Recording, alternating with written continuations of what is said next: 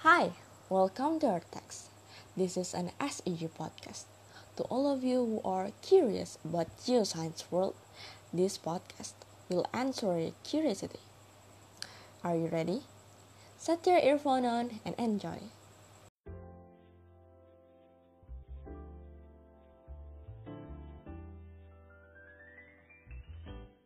Hai, selamat datang di Artax. Kenalin, gue Anit. Jadi, eh, kali ini gue bakal jadi host dan ditemenin sama Anin. Halo semuanya. Nah, di episode ini kita bakal ada dua narasumber. Yang pertama ada Kak Ica. Halo. Ini aku kenalin diri Nah. aja nih. Oh gitu, ya boleh, boleh boleh kak. Halo semuanya, kenalin nama aku Tanisa Karima dari Geofisika 2015. Udah lulus mm, Agustus 2019 lulusnya. Terus bisa dipanggil Ica.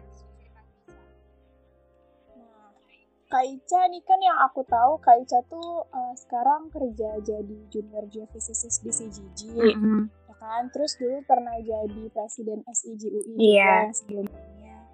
Terus pernah jadi delegasi LSS SLS juga di Texas. Pernah jadi student volunteer juga di IPA Convex 2018. Iya. banyak banget pokoknya itu gimana bisa tuh kak Eh, jadi aku ngurusin dulu nih, aku tuh kemarin di CGG itu magang. Magang jadi junior Hmm. geofisicist dan itu magangnya periodenya udah selesai, baru selesai bulan April kemarin. Gitu. oh. Mm-mm. berarti sekarang eh, nggak dilanjut gitu kak? Belum dilanjut dulu karena kan lagi corona gini kan. Nanti dilihat aja situasinya setelah eh, oh, corona ini kira-kira hiringnya nah gitu-gitu sih. Aku juga sekalian masih cari-cari yang lain juga opsi-opsi lain. Kak dulu pas TA ngambilnya apa kak? Eh, jadi dulu aku pas TA ngambil tentang kegempaan aku ngambil tentang gempa lombok Hmm, itu itu kan ini ya kak eh, apa namanya beda dari yang lain gitu kan biasanya setahu Oh, iya, misalnya orang tuh kayak minatnya kayak banyaknya yang ke migas ke geothermal gitu. jadi Itu kenapa pengen aku gempaan gitu? gempaan itu sebenarnya waktu itu pas aku sama sama kuliah gitu ya kan aku ngeliat-liat juga eh, kira-kira bagian mana yang aku lebih condong buat TA dulu nih gitu karena nggak mungkin aku bisa TA topik tiga-tiganya dong kan sementara geofisika itu kan pas bisa migas bisa ke geothermal bisa ke mineral gitu-gitu kan dan nggak mungkin TA bisa mencakup ke semuanya Hmm. jadi eh, waktu itu kebetulan aku udah sempat eh, student exchange dua minggu gitu ke UP di situ aku ngedalamin tentang migas gitu kan. Nah yang aku pengen jadi aku migas sudah pernah aku coba. Cuma aku pengen ngedalamin juga di bagian seismologi. Jadi karena kebetulan waktu itu aku magang di BMKG, terus selesai aku magang tuh nggak lama ada gempa lombok yang eh, ini kan yang rangkaian gempa gitu dan itu waktu itu fenomena yang ngagetin gitu cukup langka karena jarang ada gempa rang kombinasi gempa yang gede-gede di waktu yang deket-deket gitu jadi akhirnya aku kepikiran gimana kalau aku ngedalamin tentang itu aja buat skripsi aku gitu oh gitu Eh, sebenarnya back to topic Mm-mm. kita kan ceritanya mau bahas tentang Mm-mm. peminatan geofisika yang non energi nih kak eh, sebenarnya kalau peminatan geofisika sendiri tuh ada apa aja sih atau gimana aja nih buat teman-teman yang masih angkatan 2019 dan angkatan teman-teman yang baru mau masuk nih 2020 tuh Sebenarnya? Eh, balik lagi ke yang tadi tuh? geofisika itu kan luas banget ya yang kayak kamu bilang ada energi ada non energi gitu kalau misalnya energi bisa ke migas bisa ke geothermal juga nah kalau yang non energi ini eh, kayak yang tadi aku kerjain gitu misalnya seismologi ngatur kayak misalnya kita belajar kegempaan di situ terus belajar tentang em, aktivitas-aktivitas yang berasal dari dalam bumi gitu kan. Kalau misalnya migas atau geothermal itu kan kita memanfaatkan kalau migas itu kan berarti kita eh, istilahnya mengolah dari yang udah ada gitu kan kayak geothermal juga. Kalau ini kita pakai sumbernya itu ya emang getaran-getaran yang dari bumi misalnya kayak gempa gitu. Terus bisa juga ke uh, geofisika yang lingkungan misalnya yang kayak buat pembangunan gitu-gitu. Uh, ada misalnya dipakai metode GPR di uh, area tanah yang mau ada pembangunan buat lihat di bawahnya ada apa aja kira-kira ada uh, atau enggak yang kira-kira bisa ngerubungin bangunannya atau ada apa gitu di bawah bangunannya. Kan itu kan perlu tahu tuh dasar-dasar kayak gitu gitu sih paling kalau yang non energi. Sebenarnya ada banyak banget juga.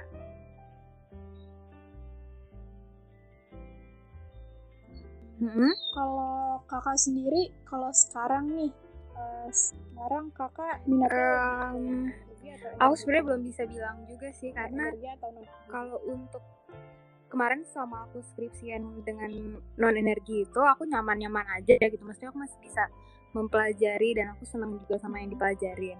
Terus uh, setelah aku lulus kan aku ngedalamin lagi non eh aku ngedalamin yang energi kan aku ke migas. Di situ juga aku masih aku istilahnya baru nyemplung nih ke migas baru belajar lagi ngedalamin lagi setelah aku lulus dan aku juga suka-suka aja. Jadi aku masih pelajarin dari mana-mana juga sih kalau di compare antara sebagai junior geophysicist sama waktu kakak ngejalanin hmm? apa namanya hmm, itu gimana ya? karena lebih nyamannya di mana? Uh, sebenarnya aku gak bisa ngebandingin begitu. Karena konteksnya beda. Ketika aku jadi junior geophysicist itu aku kerja kan. Aku kerja dengan uh, istilahnya aku gak ada beban untuk mikirin skripsi gitu. Jadi aku benar-benar kerja aku ngerjain apa project yang dikasih ke aku gitu dan aku belajar dari project itu. Sementara kalau skripsi itu kan aku istilahnya aku harus start dari nol. Dan ada selain ada beban ngerjain ada beban nulis skripsinya juga kayak gitu kan. Jadi dua-duanya nggak comparable gitu karena sama aku kerja aku kan nggak perlu nulis skripsi gitu. Dan untuk pengerjaannya untuk apa yang dipelajarin hmm, sebenarnya mungkin aku waktu itu kalau untuk kegempaan ini untuk yang non energi aku tertarik karena uh, bener-bener apa ya istilahnya proyeknya itu kelihatan gitu. Misalnya apa yang aku kerjain itu semua orang tahu karena orang-orang kan ngerasain dan ikut uh, cari tahu tentang gempa lombok waktu itu kan. Jadi apa yang aku kerjain itu aku bisa langsung lihat langsung gitu. Kalau aku kerjain tuh istilahnya bisa mudah dipahami sama orang-orang aku bisa gampang nyampein ke orang-orang gitu. Dan istilahnya untuk nyari teori-teori dan apa atau apa sih berita dan gitu-gitu tuh lebih gampang karena lebih umum lebih banyak yang tahu. Dibanding kalau ketika aku ngerjain project migas itu kan lebih uh, confidential gitu kan. Dan ya emang belajarnya ya emang dari geofisicist gitu. Uh, kalau misalkan kak kan mm -hmm. itu dari seismologi yang pernah kakak jalanin? Kalau di bidang hmm, yang kakak tahu aku kayaknya belum pernah nyoba juga sih kalau untuk yang lain selain yang seismologi gitu. Waktu itu aku pernah nyoba uh, waktu aku magang pertama kali itu aku magang di BMKG ngerjain tentang mitigasi nah itu kita modeling tentang uh, kira-kira di daerah yang aku pilih itu kalau terjadi tsunami eh kalau terjadi ada gempa di bawah laut di kedalaman sekian dengan uh, sekian itu nanti dampaknya di daerah yang aku pilih itu gimana? Kira-kira daerah yang kerendam itu segimana petanya? Uh, terus kerendamnya sedalam apa? Kayak gitu-gitu sama dibuat petanya itu yang aku coba selain seismologi ya. Jadi masih ke, ke tentang apa bencana-bencana juga. Uh, selama kuliah nih kak kan aku tahu kita pas semester 6 7 gitu banyak banget matkul yang berhubungan sama peminatan nih kayak kita bakal fokus ke mana gitu.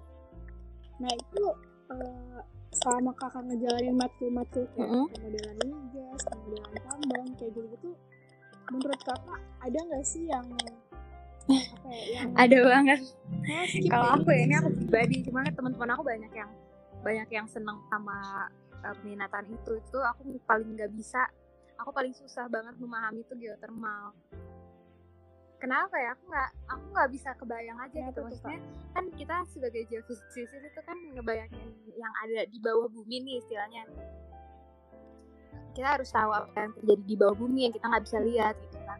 Aku belajar tentang gempaan bencana-bencana aku belajar tentang migas itu semua masih bisa aku bayangin di otak aku masih kebayang bisa ngebayangin kira-kira prosesnya gimana. Tapi kalau geothermal tuh aku nggak bisa bisa. Susah gitu buat bener-bener bisa kebayang uh, sistemnya gimana. Gitu sih. Kalau misalnya tambang waktu itu tambang itu uh, pemodelan tambang tuh jurusan peminatan kan. Pilihan jadi emang aku nggak nggak nyoba tambang jadi itu bukan bukan wajib ya kak. Jadi kalau di geofisikal itu yang wajib tuh apa aja sih kak kalau peminatan maksudnya uh, apa ya? Yang wajib diambil tapi sebenarnya yang wajib diambil sama peminatan ada termasuk tambang juga ada uh, geologi zaman aku ya waktu angkatan aku tuh ada geologi mineral tambang. Kayaknya tuh waktu zaman kan uh, modif modif lagi gitu loh karena aku kan waktu itu masih angkatan pertama. Jadi masih banyak uh, apa sih adjusting lah buat matkul-matkulnya gitu. Tapi untuk dasar-dasarnya sebenarnya semuanya ada, geofisika lingkungan ada, geothermal ada, kebencanaan, kebencanaan ada, terus migas ada, pun ada. Nah, cuma nanti waktu peminatan itu lebih dalemin lagi. Jadi waktu peminatan ada geowisata, ada pemodelan tambang, nah itu tuh lebih spesifiknya lagi, ada pemodelan migas gitu-gitu sih. Nah, tadi kan kakak nyebutin ada geofisika lingkungan ya. Itu kan uh, buat aku yang denger, ya maksudnya aku kan orangnya emang anak sosling banget gitu.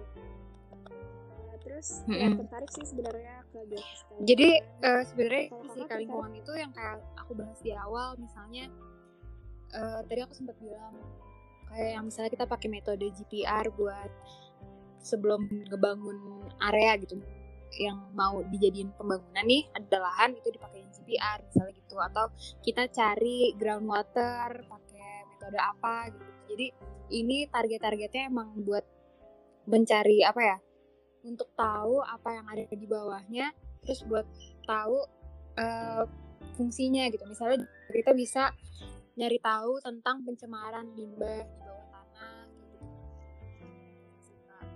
kalau aku hmm, personally ya aku kurang tertarik ke arah situ.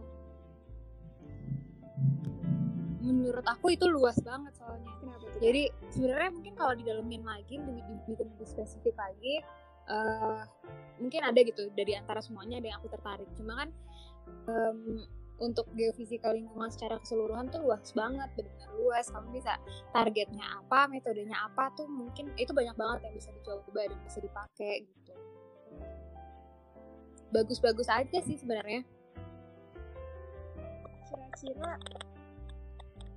kira-kira kalau dari peminatan yang selama ini udah dibahas kan biasanya kan kita Mm-mm. tahunya kayak cuma ada geowisata, ada migas, ada geothermal, ada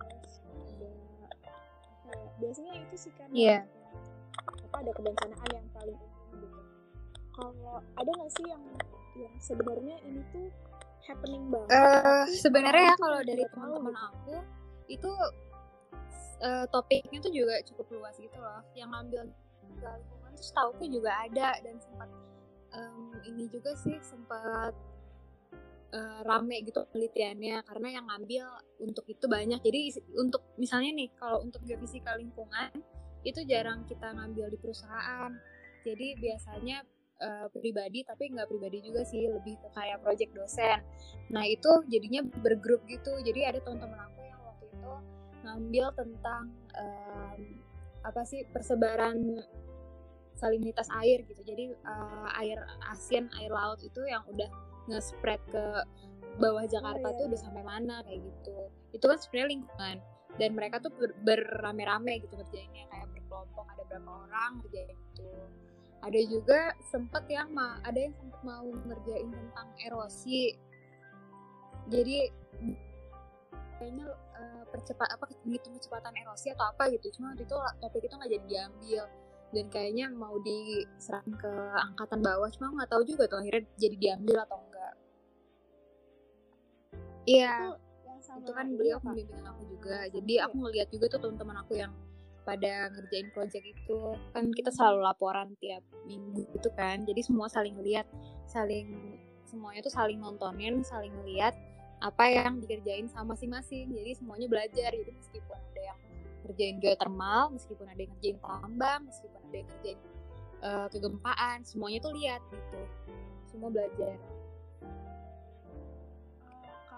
tipikal yang ini gak sih kayak idealis banget?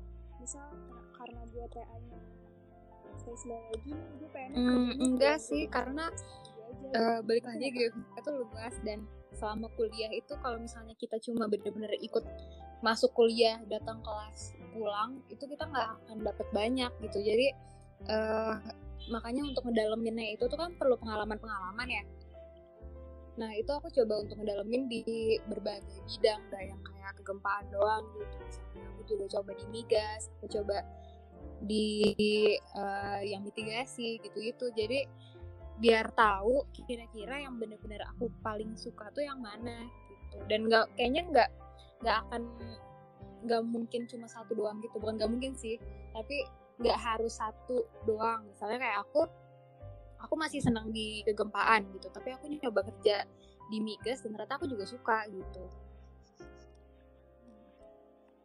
ada Ada rencana pengen nyoba yang lain nggak kak? Kalau aku sendiri ya dari pernah coba-coba, kemungkinan opsi aku sekarang itu antara dua, yaitu belajar tentang eh, mitigasi atau kegempaan, migas gitu. Jadi antara dua itu sih yang aku pengen eh, fokusin lagi. kak aku mau nanya nih kan kakak aku pernah apa namanya Iya. di summer program UTP nah itu eh, kepake banget gak sih kak pelajaran yang didapat dari UTP terus di aplikasi kakak kan Mm-mm. kemarin eh, internship di CGG Ada sih ada banget. korelasinya Jadi ada eh, waktu aku itu angkatan aku kan angkatan pertama yang eh, summer program ya. Tahu aku ada lagi ya angkatan bawah. Mhm. Oh kamu berangkat? Iya, itu aku- aku eh, kemarin anak-anaknya geoscience doang atau campur? Iya Campur. Iya. campur tapi geoscience paling banyak sih Mm-mm. dari 16 16 Iya. anak yang Nah, berangkat geoscience tuh jadi. Waktu aku itu kan aku pertama kali dan aku juga campur kan. Ada anak geoscience ada yang non geoscience. Jadi eh, waktu aku ngobrol sama orang-orang UTP-nya awalnya itu mereka nyiapin course-course yang eh, lebih advance istilahnya buat eh, belajar migas gitu-gitu. Karena mereka ngira yang akan datang itu anak-anak geoscience aja. Tapi eh, in the end kan ternyata yang datang campur kan. Ada anak-anak non geoscience juga yang sebenarnya emang mereka tuh bisa juga kalau mau ke bidang migas. Kan migas migas tuh nggak mungkin cuma anak geoscience doang ya kan? Bisa ada anak-anak dari jurusan lain pun bisa nyemplung ke migas gitu. Jadi akhirnya dari UTP-nya diubah sistemnya jadi yang dikasih course-nya itu lebih ke eh, teori dasar. Tapi untuk teori dasarnya ini eh, kan kita nggak cuma teori doang ya di sana. Waktu itu aku ada praktek-praktek juga gitu kayak kita mampir ke lab dan itu sebenarnya kepake banget sih menurut aku karena teori dasarnya juga yang dikasih sama yang di kampus tuh ya misalnya emang 11 12 tapi ada yang apa ya ada yang aku tuh baru lihat di situ gitu ada yang aku baru belajar di situ dan ujung-ujungnya ketika aku kemarin internship di CGG itu emang kan kita harus pakai dasar-dasar juga. Jadi kita paling nggak harus tahu basic-basicnya kan. Dan itu pakai ilmunya gitu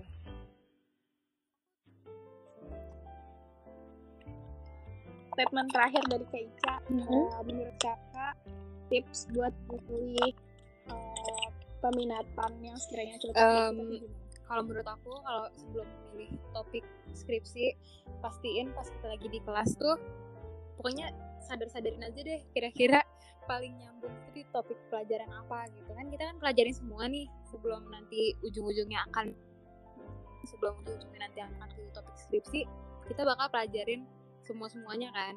Dan termasuk ada magang juga. Nah itu eh, tips dari aku paling apa ya selama belajar belajar semua itu menurut kalian yang paling gampang nyantol tuh yang mana? Menarik interest kalian yang mana?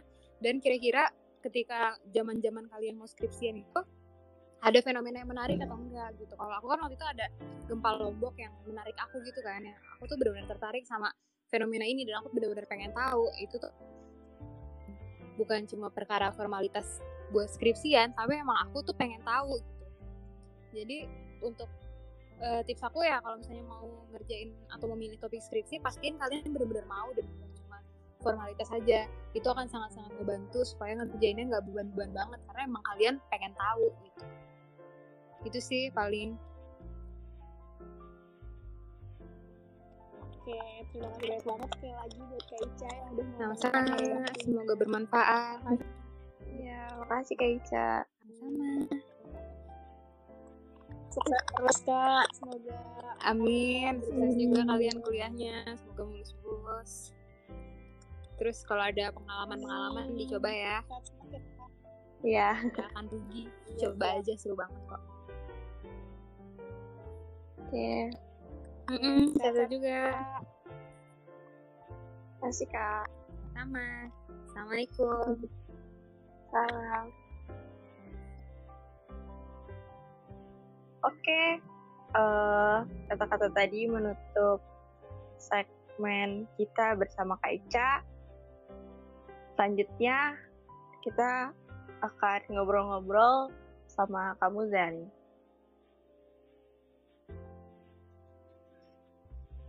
Oke, itu dia tadi sedikit gambaran tentang peminatan dari Kak Ica. Nah, sekarang kita cari tahu lagi nih tanggapan dari narasumber kedua kita, yaitu Bang Muza. Halo Bang, silahkan kenalan dulu. Halo, halo, halo. Ya, eh, assalamualaikum warahmatullahi wabarakatuh. Ya, sebelumnya eh, kenalan dulu. Eh, nama saya Muzamil Almaki. Eh, dulu sama kayak Ica juga sebagai mahasiswa S1 di Geofisika angkatan 2015.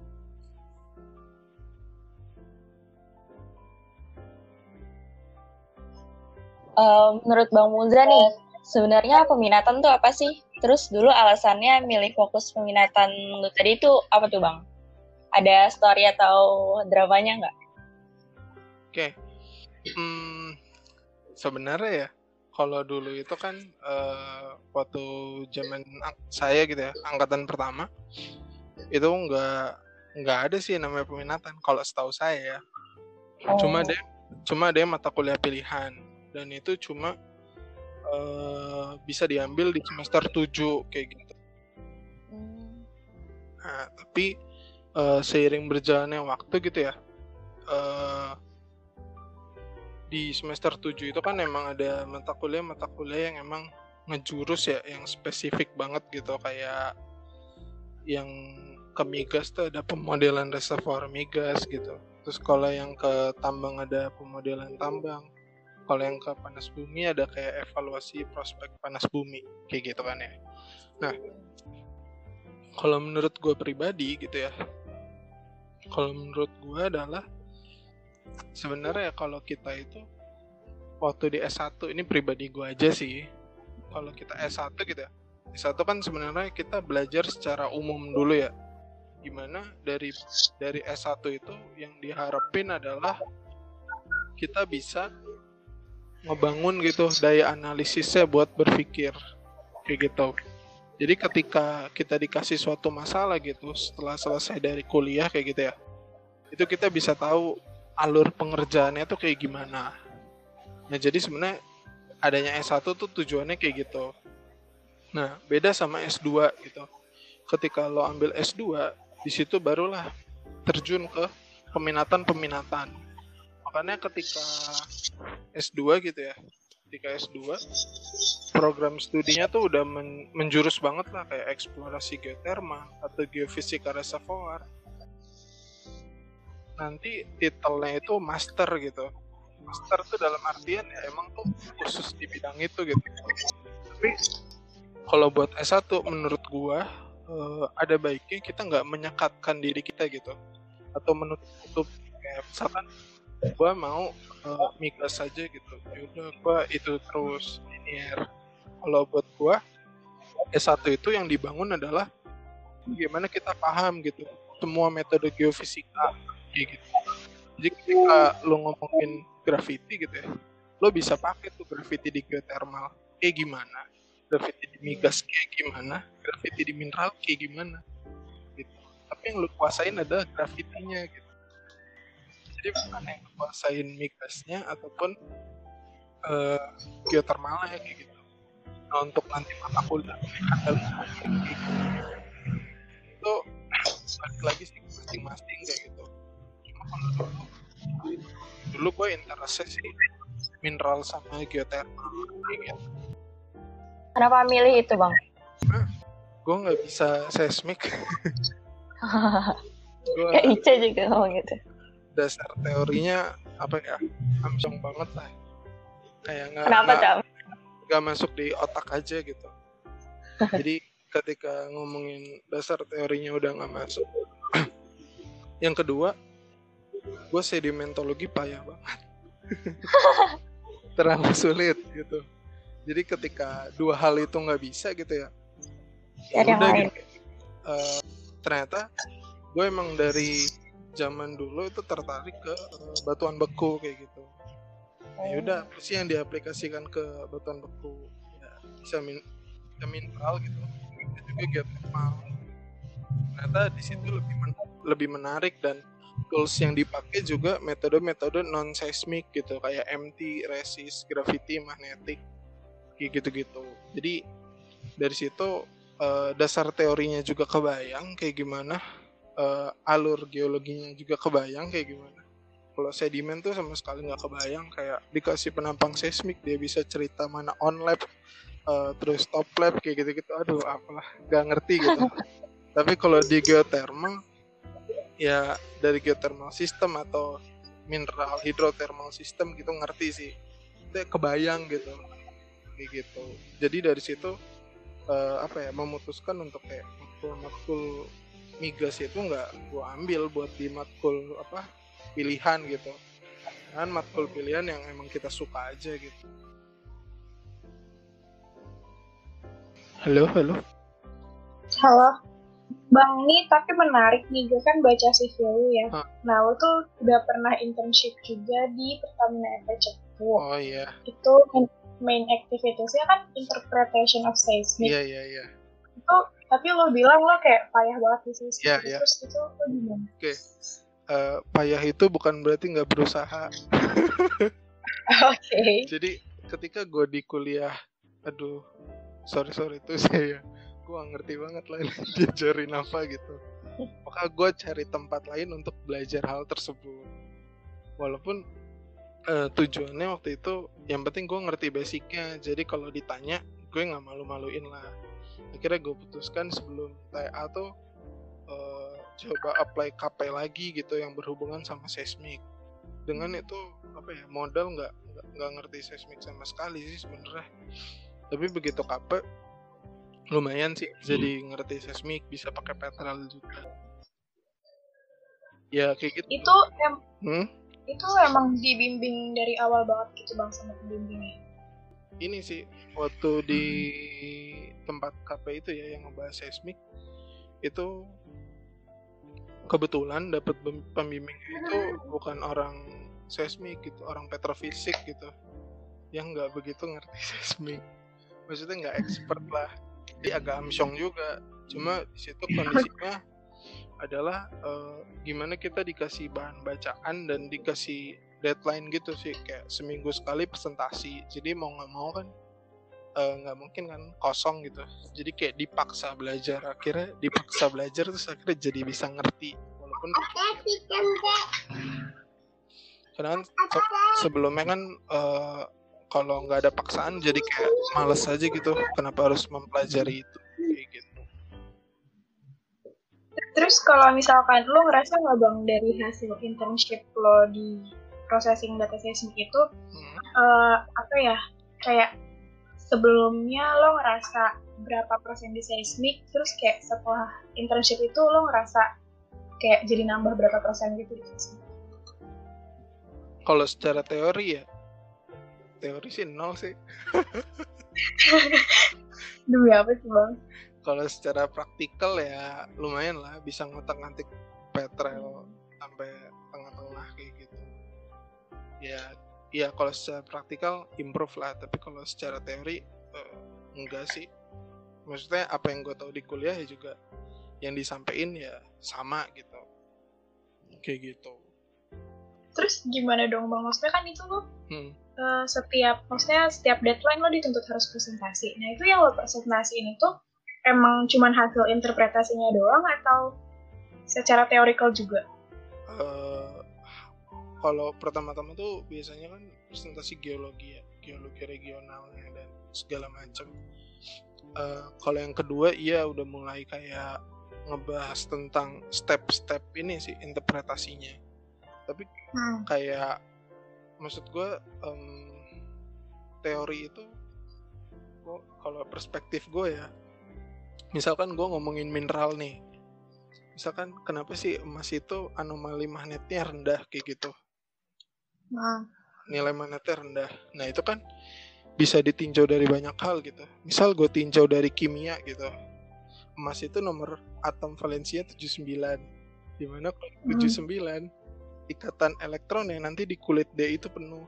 Nah biasanya kul- kalau ketika kulit D penuh itu sifatnya dia magnetik. Nah ketika sifatnya dia magnetik di situ otomatis eh, dia nggak bisa terpengaruh sama medan magnet luar. Maka di situ nanti nilai anomali magnetnya bisa rendah gitu. Jadi ada reasonnya gitu loh. Itu dari kimia belum dari fisikanya kenapa?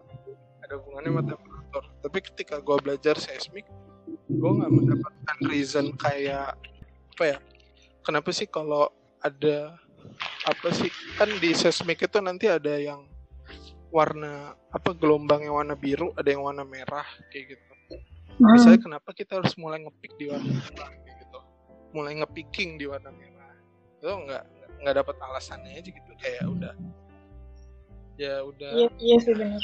eh, ini aja template aja gitu template jadi nggak ngerti apa apa kalau mau didebat juga ya itu template pak Itu cuma gitu. iya juga sih. kayak gitu jadi ya gua nggak nggak punya dasar yang kuat sih maksudnya makanya itu gue bilang Berarti 0% secara skill kayak lumayan nambah kemampuan software gitu ya. Mm. Software sama ini sih pengetahuan geologi nambah. Hmm. Terus kalau em, apa lagi ya? Kalau pengalaman lu internship di tempat lain gimana tuh bang? Yang di Saka Energy deh. Oke, kalau Saka Energy itu waktu pertama kali KP ya.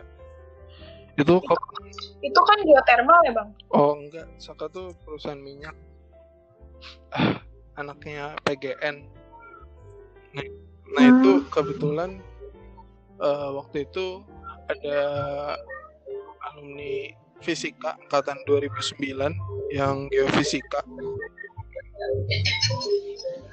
Nah, dia dia kerja di situ dan Pakai ada dangdutan lagi di rumah gue. Oke. Nah, Iya, kebetulan waktu itu ada ini apa pemin eh, alumni alumni peminatan gitu tahun 2009. Eh, dia dia buka lowongan ini aja lowongan magang. Terus gua waktu itu sama Erwin eh, ngemail dia aja gitu. Terus ya udah dia dia jadi pembimbingnya. Kebetulan dia seangkatan sama Pak Septiandi, Pak Agus, Pak Iskandar waktu kuliah. Nah, jadi asik aja gitu dibimbing sama dia. Jadinya ya eh, itu waktu itu graffiti sih. Dan waktu itu kondisinya kalau nggak salah ya, gue belum ambil matkul graffiti kayak gitu. Tapi ya, Gimana tuh bang? eh, ya waktu KP tuh ya belajar. Karena emang eh, berhubung waktu KP itu dapat data graffitinya adalah airborne Albo, airborne full tensor dan itu nggak diajarin kan di kampus jadi ya Ih, dia dia masih mau nerima lagi nggak ya bang? Bagi kontaknya boleh nggak bang? oke oke nanti gue kasih Eh, terus Lumayan nih bang. Tahun depan kan gue KP bang. oke iya jadi dari dia ya lumayan sih improve cuma kalau ditanya paling improve ya itu di Antam sih improve banget Itu pakai software apa bang kalau yang Gravity? apa oh pakai ini Oasis Mountain Oke. Gitu dan dulu apa ya pemikiran gue tuh ya sebelum lu lulus minimal lo bisa ini apa ya setidaknya setiap metode tuh lo ngerti alur mainnya gimana ngepros ngeprosesnya Iya. gimana Bener-bener. makanya dulu gue apa ya, pertama graffiti gitu terus eh, project kan ada resist Eh, terus seismic juga ngambil MT waktu itu pernah sih bantuin doang. MT bantuin ngolah. Sama gue pilih skripsi akhirnya yang gue nggak pernah alami eh, metodenya sebelumnya gitu. Biar gue mikirnya ya udahlah gitu. Kecuali GPR sih. Iya, itu lu pernah tahu. skripsinya apa bang? Magnetik ya? Mm-mm. gitu Tapi itu lu di internship kan lu juga pakai magnetic data? Yang di Antam. Iya itu itu skripsi gua jadi eh, d- Oh itu skripsi. dari Oh skripsi yang sambil internship gitu ya? Iya, jadi apply mulai dari awal Februari sebenarnya awal Februari sampai Mei itu di Antam itu ngimprove banget banget lebih dari kuliah 2 tahun kayaknya Pembimbingnya enak loh bang? Eh oh ini di pos ya? Oke. Sebenarnya ya- yang bikin enak itu eh, di Antam banyak anak mudanya. Gue nggak lebih ke pembimbing sih tapi ketika lo nggak bisa kan lo bisa nanya-nanya ke yang lain ya? Iya sih, kalau nggak malu. iya jadinya eh, ngimprove di situ kayak gitu. Ngimprove ke nanya-nanya ke yang lain. Istilahnya apa ya kalau di kampus itu kan ada kayak matkul geologi mineral non logam. Itu gua sebenarnya di kampus nggak ngerti sama sekali tapi begitu gua ke Antam itu diajarin dari dasar banget. Itu jadi ngerti. Itu kalau inversi magnetik pakai apa bang? Software itu dulu pakai Oasis Montage tapi bisa juga pakai Mac 3D atau bisa juga apa ya ya bikin skripnya sendiri aja di Python kayak kayak gitu Hmm. Gue tanya apa ya? Dari pengalaman tiga kali internship itu yang paling enak yang mana bang? yang antam lah kan dari gue bilang Yang antar. ngimprove lebih dari dua tahun kuliah. Karena dari Anthem itu gue bisa IP bisa resist bisa magnet bisa geologi mineral logam bisa geokimia. Karena lu orangnya rajin nanya kali bang, jadi bisa semua. oh enggak juga. Jadi kalau di Anthem itu oh ini publik ya tapi keren lah istilahnya. Ketika lo presentasi yang namanya dikritisi ya dikritisi membangun gitu. Bukan apa ya bukan kayak cuma di ya lanjut ya lanjut. Enggak. Bener-bener lo apa ya kenapa kayak gini? Bener-bener ditanya fisikanya kenapa geologinya kenapa.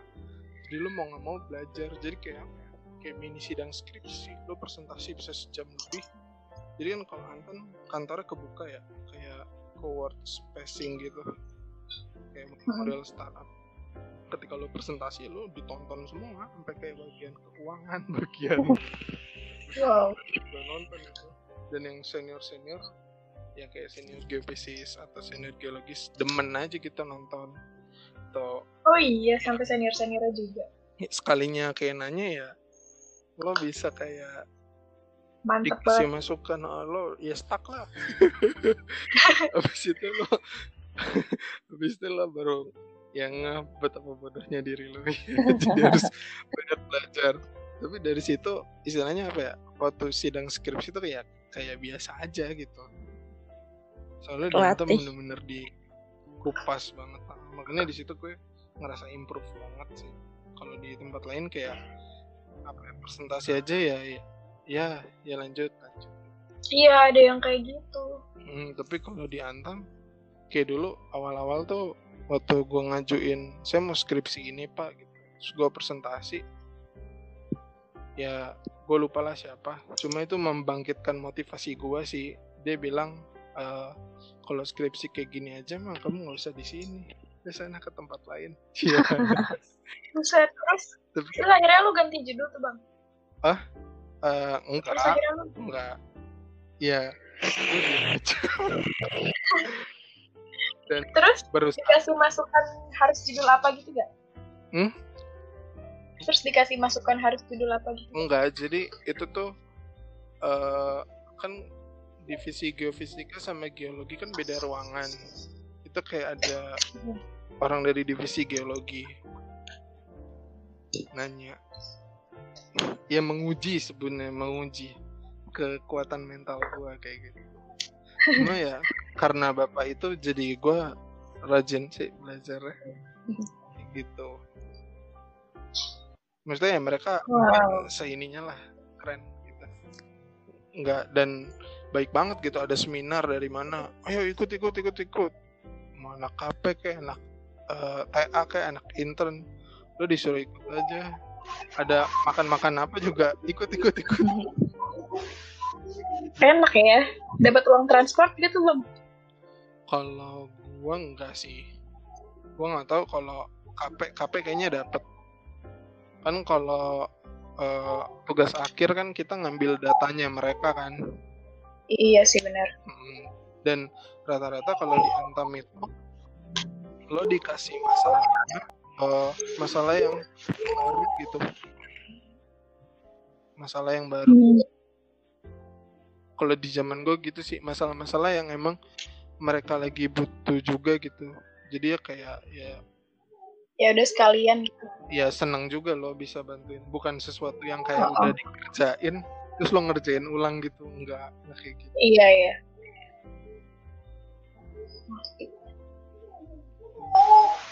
Hmm. Udah kali ya. Takut lo buru-buru mau ngajar juga bang. santai gue masih setengah sepuluh kan gue ngajar online juga ya bebas lah Oh iya benar. Ini jadi banyak nanya gue buat diri gue sendiri nih bang. Maafin ya. santai-santai Jadi eh eh, menurut Bang Muza nih, tips buat milih peminatan yang sekiranya cocok buat kita itu gimana? hmm apa ya? Kalau tips dari gue sih ya pilih yang kalian suka aja gitu.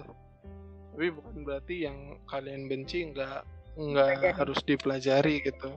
Pelajari aja walau kulitnya aja kayak gitu itu sih sama apa ya? Yang paling penting sih kalian pelajari geologi juga. Karena ketika gua di Antam tuh apa ya orang-orang geofisika ya khususnya anak-anak itu geologinya nggak banget dah. Makanya harus belajar lagi. kayak nggak ngerti Iya sih bang benar. dulu inget banget kayak apa ya, fisikanya nggak tajam geologinya juga nggak tajam. Ya mendingan Mati tajam di mana nih? Oh, balance. Aduh, gitu jadi kalau bisa ya ini aja pelajari juga geologinya. Kan itu penting banget buat bunyiin data geofisika. Iya karena kalau nggak tahu Oke, Apa? statement dari Bang Muza tadi menutup episode kita kali ini. Sekali lagi terima kasih Bang Muza atas waktunya. Sekian informasi mengenai peminatan. Semoga bermanfaat.